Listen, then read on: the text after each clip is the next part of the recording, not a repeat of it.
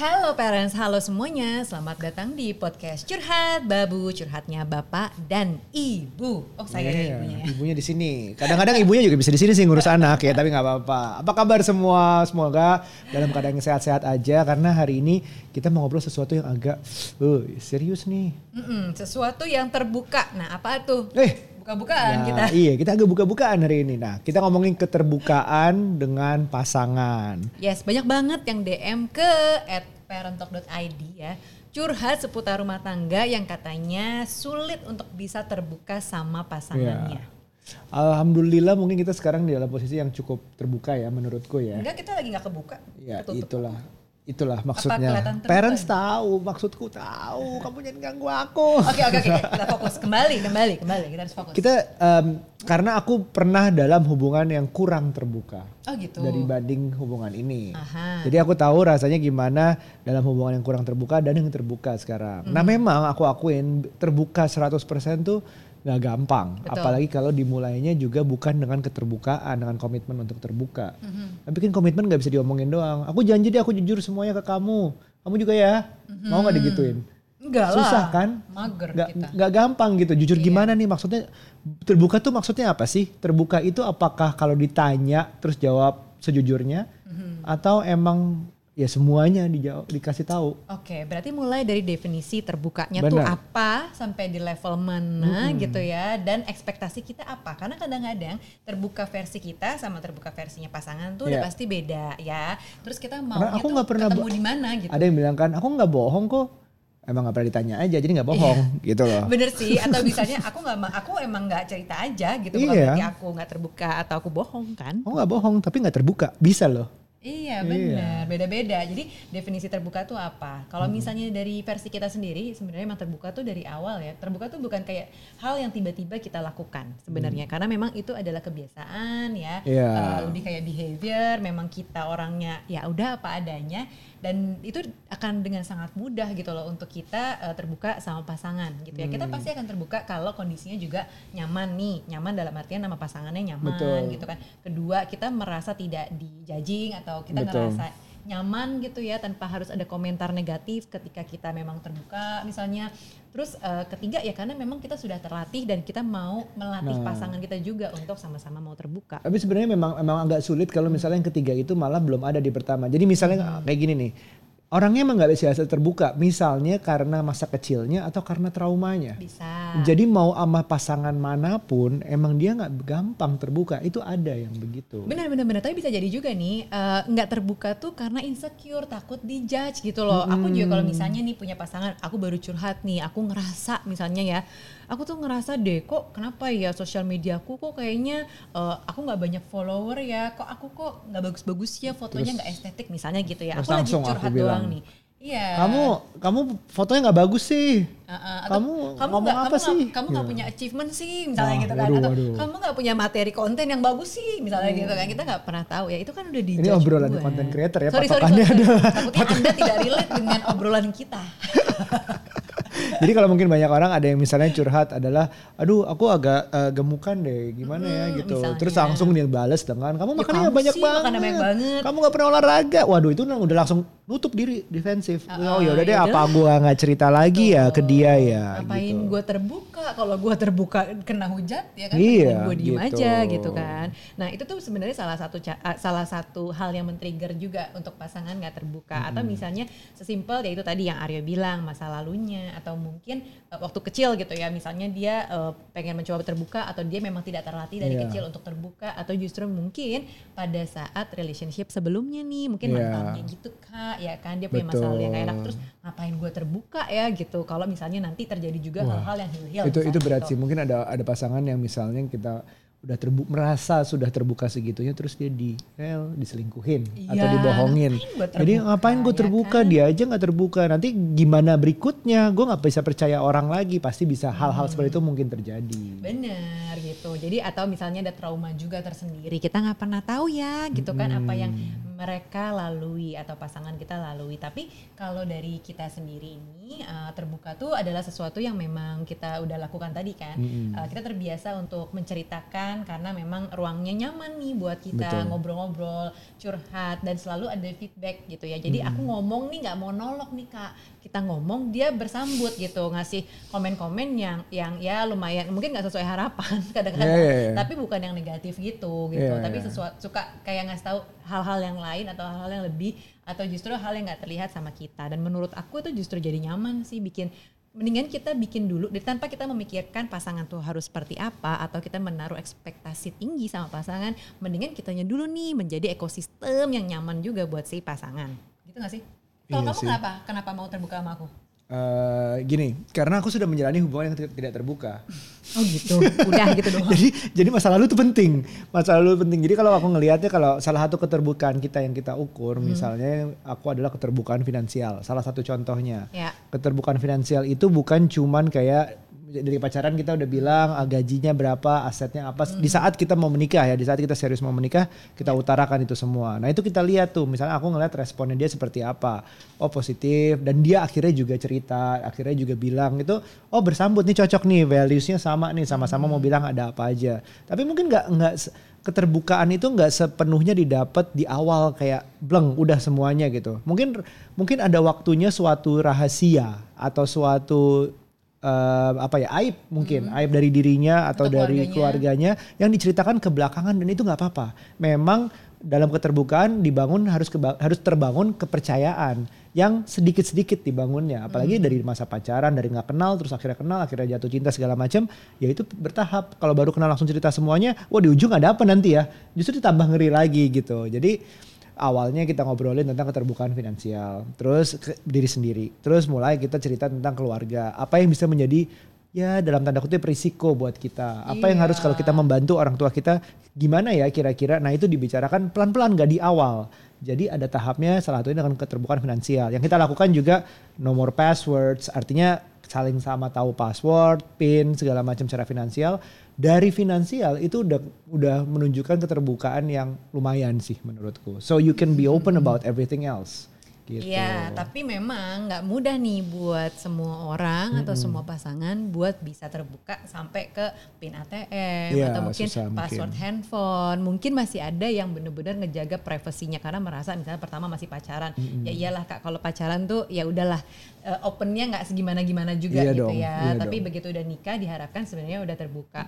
Terus kedua, kadang-kadang kita berpikir juga eh, apa namanya ngapain sih tahu password kita gitu. Mau ngapain sih? Emang mau Iya. mau buka buka chat kita ya gitu. Eh tapi bisa jadi loh kalau misalnya suka disimpan-simpan gitu ada sesuatu. Udah itu topik lain, topik lain, topik lain. Kompor Kak, mohon maaf. Nah, kita kompor. kenapa coba? Kenapa pentingnya contoh kita tahu password dan PIN dari pasangan? Sebenarnya gini, kalau kalau secara finansial gitu ya, kenapa kita perlu tahu soal ATM pasangan dan hal-hal yang sifatnya finansial, bukan bukan kita mau ngerampok, bukan. Hmm, Tapi ngerampok duit misalnya- sendiri itu namanya. Iya, tapi kalau misalnya amit-amit gitu ya pasangan kita meninggal, kita nggak tahu nih, namanya juga usia muda kadang-kadang ada aja kan, meninggal lah atau ada hal-hal yang kita nggak pengen terjadi, nggak tahu juga apa ya, kita jadi tahu gitu loh, eh, bisa ambil aksesnya, kita punya akses ke situ gitu ya, kita berharap sih nggak terjadi ya eh, meninggal dan lain-lain. Cuman maksudnya kita jaga-jaga aja, misalnya itu sampai terjadi, jangan sampai kita bener-bener nggak tahu gitu loh. Karena aku ngelihatnya nih, eh, kita kan ya semua orang tujuan menikah sebisa mungkin untuk selamanya. Jadi kalau misalnya ketidakterbukaan itu dibiasakan terus, itu bisa dengan otomatis kayak robot kita akan berlaku gitu puluhan tahun ke depan. Dan itu Iya. makin susah lagi untuk tiba-tiba udah 20 tahun menikah, oke kayaknya kita harus terbuka nih sekarang nih. Wah itu mulai dari mana itu susah. Jadi Iya teman-teman yang nonton di sini, mungkin parents di millennial parents atau mungkin lebih muda lagi, masih banyak waktu insya Allah untuk ya lebih terbuka gitu. Dimulai lebih cepat lebih baik gitu loh.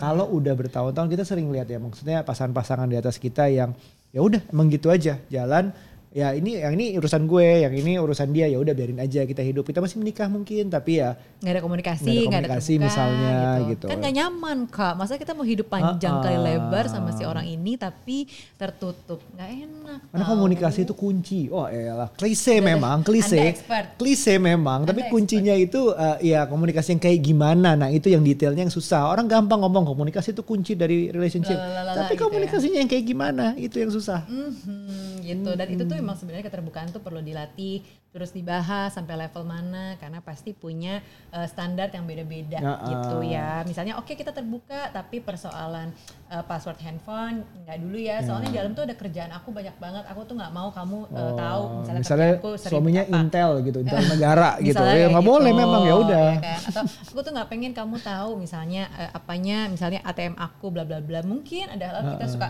jebolin ATM pasangan belanja gitu kan, makanya dia jadi nggak pas, Iya. jadi dia tuh jadi insecure nggak mau terbuka misalnya gitu. Nggak tahu juga lah pokoknya banyak hal tapi perlu dibicarakan. Atau pasangan yang bikin nggak nyaman gitu. kerja di kompetitor gitu. Bisa jadi ke perusahaan A, perusahaan B ya udah kita sepakat ya. Yang penting itunya katanya sepakatnya, saling sepakat Ya, hal ini yang nggak dibicarakan ya, tapi ini terbuka ya, tapi ini terbuka ya, gitu-gitu loh. Jadi kayak ada Betul. kesepakatan consent dari masing-masing. Dan soal terbuka ini juga, Bab, sebenarnya tuh kita ngebahas soal kode-kodean. Kadang-kadang nih, aku nih perempuan, ibu-ibu ya, suka ngasihnya kode-kode aja. Karena kita pikir pasangan kita itu, ah ngerti dia. Masa kita misalnya nih Oh, kode kayak beli nih. tas ya? Ah, ah, bener. Kayak aku nih kan mau ulang tahun, aku tuh pengen lo ada pre Masih birthday lama, gift. Bu ya, Ibu, jadi ada pre, ada pre-nya dulu, pre birthday gift, ada gift-nya. Itu duluan ada- saya ulang tahunnya juga. Oh, birthday gift. Nah, kan aku kode dulu nih. Aku kode bab aku tuh lagi suka banget deh tas ini misalnya gitu ya. Eh bab bab bab kalau nggak kalau di Instagram aku suka send ke dia gitu. Bab ini bagus deh. Gitu. Tapi itu kode-kode loh semuanya. Tapi kalau setiap ko- setiap hari ada kodenya kan bingung kode mana yang harus diterima ya nggak? Ah, nah gini, kode-kodean ini jadi apa artinya? Hah, maksudnya Ya, gimana nih? Kadang-kadang kita itu berharap kalau pasangan bisa baca maunya kita. Bisa bisa memahami atau menanggapi sesuai ekspektasi kita. Bener nggak? Ini biasanya perempuan nih yang suka kasih kode-kode ya kan? gitu. Aku juga suka sih kasih kode. Kadang-kadang cuma melatih seberapa peka sih pasangan kita nah itu dulu waktu gue pacaran demen banget tuh gitu pacarku Iya. nggak peka ya iyalah Tapi orang gue cuma ngasih kode guys Iya, sampai ada yang kayak oh kalau istri bilang terserah artinya enggak. ya sampai sampai bikin kalau- vocab gitu list gitu ya dictionary gitu kalau dia bilang terserah artinya enggak ya tadi Iya. terus udah gitu kalau dibilang nggak tahu artinya sebenarnya gue tahu gitu Ah, kan tapi lo harus usaha sendiri cari tahu yang maksud gue itu apa. Oh, aduh ribet banget. Yang bener sebenarnya kode-kodean itu lucu-lucuan untuk romantisme kalau misalnya positif lucu kan. Oh ternyata ngasihnya hasilnya surprise gitu. Dia nangkap kode gue lucu. Tapi kalau nggak nangkap itu yang jadi bahaya. Jadi bikin asumsi. Nah itu asumsi itu bisa ya mengganggu komunikasi tadi. Wah asik kan? Asumsi, komunikasi. expert banget Expert banget. Nah kalau misalnya kita terus berasumsi dan asumsi itu dibiarkan liar, ya sulit gitu. Terbuka juga jadinya sulit. Tapi emang gimana sih caranya atau tipsnya supaya kita bisa terbuka sama pasangan? Eh, mungkin konon nih, nih, nih, nih sebenarnya eh, aku nggak mengeneralisasi ya semuanya. Biasanya laki-laki yang suka nggak terbuka gitu karena mungkin ya secara ada yang bilang by nature dia tuh introvert katanya gitu. Cuek, Ada laki-laki yang bilang cuek. cuek nggak Wah. peka. Nah atau ada yang bilang eh, emang pendiam aja misalnya gitu. Nah Hmm. gimana caranya biar bisa terbuka nih, terutama buat karakter-karakter seperti itu. Jadi Dan yang kamu biasanya di kamu laki-laki nanyanya ya, biar biasanya. laki-laki terbuka. Kalau aku sih dari awal udah terbuka semua. Iya kalau kamu heeh. dia lebih terbuka soalnya orang lebih bawel daripada aku. Kalau aku lebih kalem, tapi ya aku terbuka juga. ah, tadi mungkin udah dibahas beberapa yaitu ah, bikin keadaan tuh rasanya nyaman. Kalau ada yang Hmm. cerita bukan untuk judgement tapi untuk didengarkan. Kadang-kadang beberapa Iya. dari kita bahkan aku juga pernah mungkin rasanya kalau diceritain pengen langsung nyelak. Nyelak untuk ngasih tahu yang benar tuh kayak gimana. Satu atau nyelak untuk dengan cerita dikeluarin sendiri versi gue gitu. Iya. Karena aku modelnya yang suka cerita juga jadi Nuca cerita aduh aku di kantor capek banget nih aduh tadi aku juga di kantor ya asli capek juga nggak dapet gitu kalau dua-duanya saling ya menceritakan masalahnya masing-masing tanpa gantian satu mencerita satu berdengar satu ber- mencerita lagi gantian kamu yang dengerin hal-hal seperti itu jadi Artinya dialog dua arah ya. penting. latihan mendengarkan tuh juga suatu latihan Bener, yang bener, harus bener. harus dilakukan sering sih Tapi jangan dengerin doang. Dengerin doang Iya. kan diam terus gak diapa-apain dong. Ya, at least dengerin tahap pertama lah. Dengerin tanpa menyelak, tanpa menjudge, tanpa mengasih solusi kadang-kadang orang cerita pun nggak perlu langsung dikasih solusi. Bener Kadang-kadang cuman emang udah tahu aku cerita ke kamu misalnya masalah kerjaan ya, udah tahu Nucha tuh nggak akan bisa mencahin masalah ini. Atau misalnya ya um, kita mau cerita masalah uh, aku sakit deh, sakit fisik. Aduh, untuk nih pusing nih kepala. Ya cerita aja. Maksud Nucha suruh nyembuhin nggak juga, dia bukan dokter. Hal-hal seperti itu kadang-kadang kita mengharapkan pasangan kita menyelesaikan masalah kita padahal dia bukan expertnya dalam masalah itu. Iya, atau ya sesimpel bikin open question. Jadi ya pertanyaan-pertanyaan kita lontarkan yang memang harus diskusi bersama gitu loh. Iya. Jadi bukan sesuatu yang jawabannya iya atau tidak. Karena kalau ya tidak ya udah besok diem aja lagi gitu kan. Nggak enak diskusinya Iya. tuh nggak jalan. Kadang orang cerita bahkan sebenarnya orang bertanya itu udah tahu jawabannya waktu dia bertanya. Kadang-kadang cuma butuh validasi. Iya benar. Udah tahu sih jawabannya kayak aku gitu. Sebenarnya aku udah tahu jawabannya apa. Kita yang denger nih, misalnya Nuca cerita, eh, itu, oke. Terus menurut kamu gimana? Udah dibalikin gitu, dia udah, oh iya, oke, aku gini. Udah, cuman menurut kamu gimana? We're answering a question without actually giving the answer. Iya, iya sih ada benarnya anda. Atau Gitu. kalau misalnya memang di dalam hubungan kalian, relationship kalian, apa ya, mandek, menemukan eh, terlalu lama nih diem-diemannya, Hmm. komunikasinya nggak terbuka, nggak jalan. Kalau aku ngomong sama Pak Su, Pak Su diem aja nggak nanggepin misalnya, atau aku ngomong sama Pak Su, Pak Sunya sibuk main handphone, ya nggak. Nah itu mungkin ada baiknya selain step tadi diomongin dulu sama pasangan, ya benar-benar intens beberapa kali dibahas di momen-momen yang tepat gitu ya kita ajak ngedate kita ajak makan di luar berdua aja dan lain-lain tapi kalau emang nggak menemukan jalan nah ini bisa nih datang ke marriage counselor gitu ya alias eh, apa namanya konsultan pernikahan Ya, benar. jadi dapat perspektif point of view dari yang expert kira-kira harus apa ya nah itu Benar. biasanya bisa dijabarkan tuh dari versi si istri apa ya yang sebenarnya ingin dilakukan atau sudah dilakukan nah begitu juga dari si suaminya misalnya gitu ternyata si suami udah merasa terbuka kok misalnya gitu Iya. tapi apa gitu jadi eh, jadi kita nggak saling berasumsi tadi karena kalau asumsi terus nggak bakal kelar-kelar Iya. kan Dan kalau marriage counselor juga su- Pak Su atau ibu su, ibu istri, suami, ibu ibu istri, tri. i- ibu tri, i- ibu tiri dong, ibu tri um, itu belum mau lakukan sendiri dulu. Iya, itu apa-apa bisa juga. Iya. saat tahapnya seperti itu nanti kelama kelamaan nanti dia akan kasih tahu gimana caranya akhirnya bisa ngobrol bareng. Gitu. Ya, ya, ya, ya. Dan dalam pernikahan itu juga tetap diingat perlu punya yang namanya privacy. Privasinya sampai di level mana? Nah, itu yang harus dibahas gitu. Kita juga Ya. tetap ada privacy gitu ya. Tapi kalau hal-hal yang tadi kayak finansial, terus kayak misalnya WhatsApp handphone gitu, eh WhatsApp maksudnya handphone Itu. gitu, itu tuh kita Kayak kita punya rekening sendiri. Jadi Ya. kita punya rekening bersama, tapi Nucha punya rekening sendiri, aku juga punya rekening sendiri. Dua-duanya punya passwordnya masing-masing, pinnya Mm-hmm. masing-masing. Tapi ya kalau mau beli sesuatu ya nggak iz, nggak boleh dibilang nggak izin lah ya. Nggak tapi kasih tahu gimana. aja, kasih tahu bahwa aku mau beli FYI ini. guys, gitu. FYI gitu. info Tiba-tiba ya. paket gitu Nah, juga bisa. Itu sering banget di rumah. gitu. Oke, sampai di sini saja ya obrolan kita tentang keterbukaan. Semoga membantu teman-teman parents di rumah biar lab- lebih terbuka dengan pasangannya karena bagus kok terbuka Yes, itu. jangan lupa untuk like, subscribe, dan juga share konten ini kalau menurut kalian menarik. Oke, sampai ketemu lagi di episode berikutnya. Bye. Bye.